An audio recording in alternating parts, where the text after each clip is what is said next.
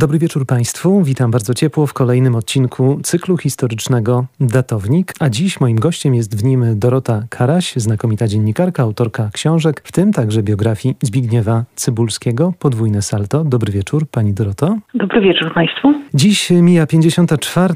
rocznica śmierci aktora Zbyszka Cybulskiego. Zginął usiłując wsiąść do ruszającego pociągu we Wrocławiu nad ranem 8 stycznia w roku 1967. Kiedy 10 lat później grupa 2 plus 1 wydała album Aktor, który był poświęcony pamięci artysty, znalazłem tam, pani Doroto, takie wprowadzenie napisane przez Krzysztofa Teodora Teplica i czytamy tam między innymi. Myślę, że gdyby ową tragiczność starać się przetłumaczyć na terminy bardziej szczegółowe, dotyczyłaby ona niezgody na upływ czasu. Cybulski chciał być młody, a stawał się zrujnowanym młodym człowiekiem, nie zaś dojrzałym mężczyzną.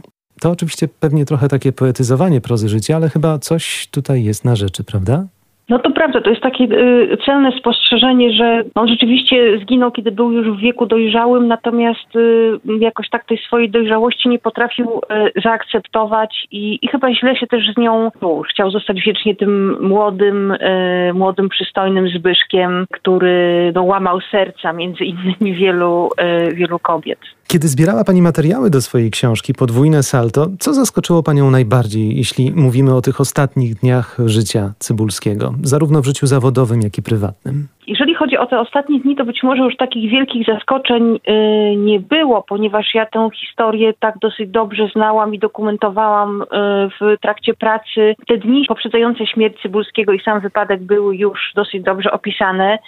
Y, ja jeszcze pogłębiłam te informacje, rozmawiając między innymi z bezpośrednimi y, świadkami y, tego wypadku, ale mogę powiedzieć, co zaskoczyło mojego redaktora, kiedy pierwszy raz czytał już cały, cały materiał jeszcze przed, przed wydaniem, to on powiedział mi coś takiego, co bardzo zapamiętałam, mianowicie, że gdyby nie wiedział, że Cybulski zginął w tragicznym wypadku, to myślałby od pewnego momentu, obserwując rozwój jego życia, rozwój jego kariery, mhm. jego postępowanie, jego życie prywatne, że to jest droga, która skończy się śmiercią śmiercią samobójczą, czyli że jakby wszystko, co robił Cybulski od pewnego momentu w swoim życiu, jakby antycypowało, poprzedzało ten, y, ten wypadek i w pewien sposób jakby tak on sam gonił własną, y, własną śmierć. I myślę, że to było takie y, takie zdanie, które rzeczywiście mi uświadomiło rzecz, której wcześniej, którą pewnie w jakiś sposób opisałam, skoro redaktor, redaktor to zauważył, ale której sobie wcześniej tak nie zdawałam do końca sprawy, że rzeczywiście ta destrukcja w jego życiu, w ostatnich latach jego życia była dosyć duża. Czy ta destrukcja wiązała się tylko z problemami w życiu osobistym, czy też problemem dla Cybulskiego było to, że już nie otrzymywał takich propozycji, na jakie czekał?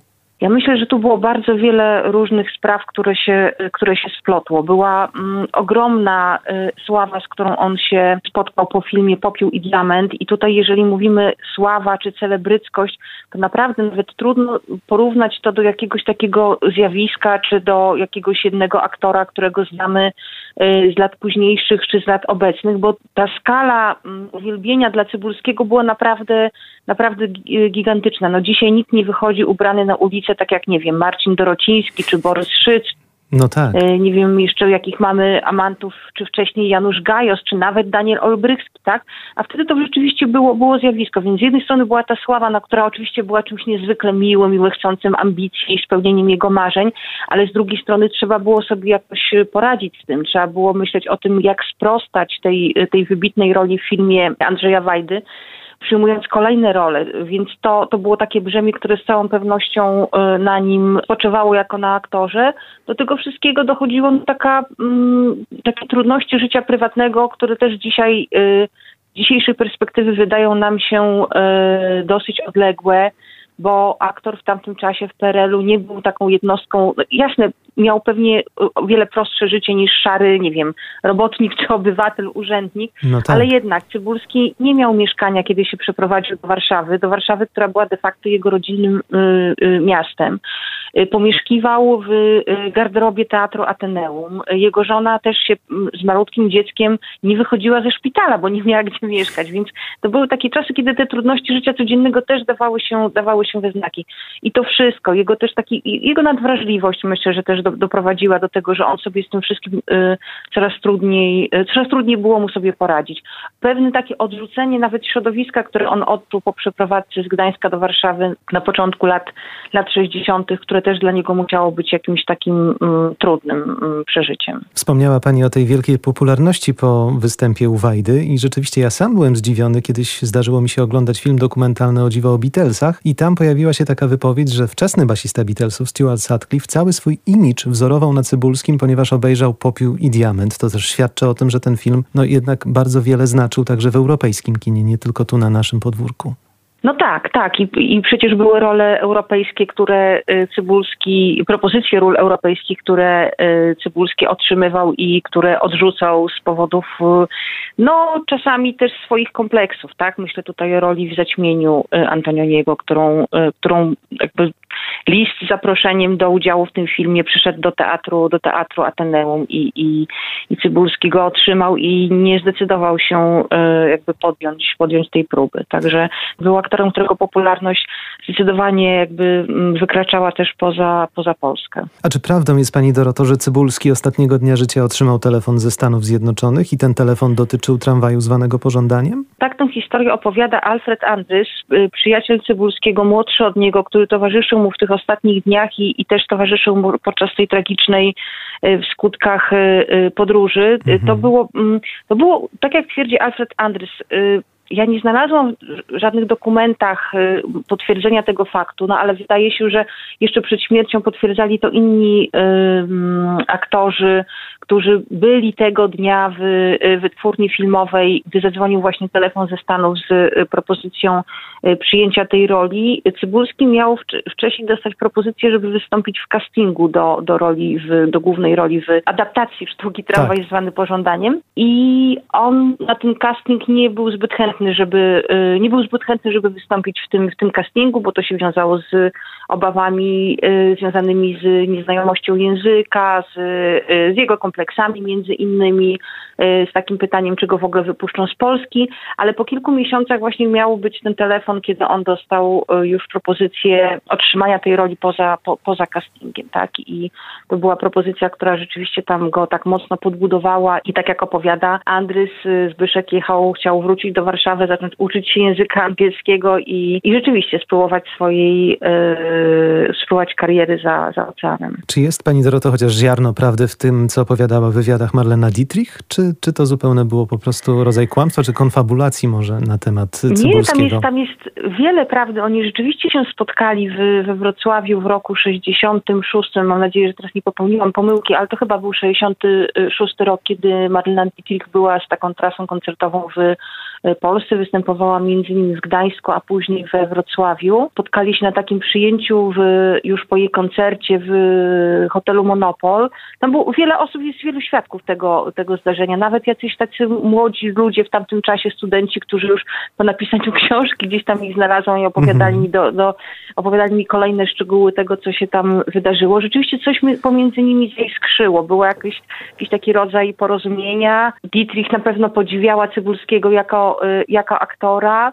Y, on y, snuł pewne plany i pisał o tym, o tym w listach do przyjaciół, że chciałby nakręcić film właśnie o miłości, w którym wystąpiła Dietrich, ale już ich kolejne spotkanie w Paryżu, do którego on pojechał w roku 67 już nie doszło, już nie doszło do skutku. Ona po prostu nie, nie przyjęła go, nie otworzyła mu drzwi. Unikała go. Nie odebrała, tele, unikała go, tak. Pytałem pani Dorota o to, ponieważ przeczytałem, że Marlena Dietrich w jednym z wywiadów powiedziała, że tego ranka Cybulski jechał do niej, ale to chyba nie jest prawda.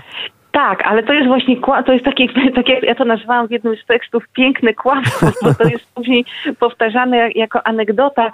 Oni się spotkali w Polsce w roku 66, rzeczywiście on ją odprowadził na dworzec, ona jechała na koncert, następny koncert y, nocnym pociągiem do, y, do Warszawy. Y, on mm, wsiadł nawet z nią do tego pociągu i wyskakiwał z niego, jak to on zwy, zwykł robić w ostatnim momencie. No ale wyskoczył, Marlena pojechała do Warszawy i to było jeszcze, jeszcze kilkanaście miesięcy przed, przed jego śmiercią. Marlena Dietrich po latach, pisząc wspomnienia, e, swoją autobiografię, właśnie nakreśliła taką, taką scenę. Być może jej się to zlało w pamięci. No tak, tak nasza też pamięć, pamięć funkcjonuje, że kiedy sobie coś tam opowiemy i opowiadamy to i powtarzamy to wielokrotnie, to zaczynamy w to wierzyć, więc e, w tej swojej autobiografii Marlena napisała, że, że on jechał, że zginął jadąc na spotkanie z nią, co no to jest dosyć łatwo zweryfikować, bo wiemy kiedy się spotkali, wiemy kiedy Przybulski zginął. Wspólnie z Magdą Podsiadły mm, odnalazła pani teczkę z materiałami dochodzeniowymi z tego fatalnego poranka. Długo wydawało się, że ta teczka w ogóle zaginęła. Domyślam się, że to było duże przeżycie dla pań, kiedy, kiedy mogłyście wreszcie zajrzeć do tych dokumentów. Coś tam was zdziwiło? To znaczy y, zdziwiło mnie, tak, zdziwiło mnie takie yy, jednak yy, podsumowanie. Było to pytanie, które, yy, które było zadawane zadawane i na które nie było jasnej odpowiedzi, czy Cybulski był pijany, kiedy wskakiwał do pociągu 8 e, stycznia e, nad ranem. E, Alfred Andrys, który, Zaprzeczał zawsze. Który, który jest takim człowiekiem też ogromne poczucie winy do dzisiaj z powodu tego, co się wydarzyło i on ma taką jakby swoją misję życiową, że broni honoru Zbyszka, podtrzymuje o nim pamięć w niezwykły sposób, naprawdę. E, I on y, opowiada taką historię, że oni mieli dyżury, to znaczy jednego dnia Zbyszek pił, drugiego dnia e, Andrys, żeby, którego, żeby zawsze któryś z nich mógł być e, trzeźwy. To rzeczywiście w tej teczce znajdują się między innymi zeznania Alfreda Andrysa złożone no, kilkanaście godzin po wypadku, czyli taki naj, dla, dla mm, dziennikarza, reportera, dokumentalisty to jest taki najcenniejszy materiał, tak? No bo po latach, tak jak Marlena Dietrich, można opowiadać różne rzeczy. Tak, a tu jest zapis na gorąco. Tak, zapis na gorąco. I rzeczywiście no, wynika z tego, że Cybulski gdzieś tam tej poprzedniej nocy wypił może jakąś pięćdziesiątkę, y, może trochę więcej, ale być może też Alfred Andrys nie wszystko widział, y, bo, bo nie był przy nim cały czas. Natomiast miażdżące jest nadesłane po roku przez prokuraturę takie potwierdzenie poziomu alkoholu we krwi i ten poziom alkoholu jest bardzo, bardzo wysoki, bo wynosi ponad 3, 3 y, promile. Pewną zagadką pozostaje dlaczego, bo to, do, to jest teczka z dochodzenia, które prowadziła kolej Y, osobne postępowanie prowadziła y, prokuratura. I pewną zagadką jest, dlaczego prokuratura dopiero po roku przysyła kolei mhm. to, mm, y, to poświadczenie, no ale tego już nie rozwiążemy, bo już innych dokumentów naprawdę nie ma i tutaj tym razem, no czy tym razem, no jakby to, sprawdzałyśmy to wielokrotnie, tak, I, i, i rzeczywiście nie ma ani dokumentacji szpitalnej, bo szpital którym Cybulski zmarł, już nie istnieje, ani nie ma dokumentów y, y, w prokuraturze, bo one już zostały zniszczone. Czy pani zdaniem była szansa na uporządkowanie kariery i życia prywatnego Cybulskiego, gdyby nie ten feralny poranek? On sobie zdawał sprawę z tego, że alkohol go niszczy i, i gdyby w sobie znalazł jakąś siłę do tego, żeby, żeby wytrzeźwieć, bo to chyba był taki główny warunek, no to on był człowiekiem niezwykle twórczym, no bo my go, my go pamiętamy jako aktora, ale on był też całkiem dobrym reżyserem. Tutaj na Wybrzeżu w Gdańsku wyreżyserował y, kilka rzeczy. Był przecież, y, kierował teatrzykiem Bim Bom, który był tak. naprawdę zjawiskiem w latach 50., takim po prostu symbolem polskiej odwilży. Próbował też coś pisać, więc ja myślę, że on nawet gdyby no, pewnie nie znajdowałby już ról jako ten e, młody amant Zbyszek z czarną grzywą i z pięknym uśmiechem, z ciemnymi oczami zasłoniętymi ciemnymi okularami, ale być może, e, być może znalazłby rolę odpowiednią dla swojego wieku, a być może realizowałby się jako reżyser. No tego, tego, tego nie wiemy. Kiedy myśli Pani o Cybulskim, o jego karierze, to jakie słowo przychodzi mm, w pierwszym momencie na myśl? Charyzma? Niespełnienie? No chyba jedno i drugie na, e, na równi, bo to tragizm też, bo, bo to rzeczywiście e, niezwykła postać, e, która można powiedzieć, że osiągnęła wszystko w, e, w swoim zawodzie, a jednocześnie no prawie wszystko. Mogła osiągnąć więcej, ale, ale z powodu właśnie swoich kompleksów, z powodu pewnych y, niewiary w siebie, bała się sięgnąć po więcej. Osoba, która zmarła, zmarła tragicznie też, można powiedzieć, w takim wieku, że no jeszcze całe życie było przed nim. Bardzo Pani dziękuję za tę rozmowę w datowniku. Moim gościem była dziennikarka i autorka książek, także biografii Zbyszka Cybulskiego Podwójne Salto, Dorota Karaś. Dziękuję. Dziękuję bardzo.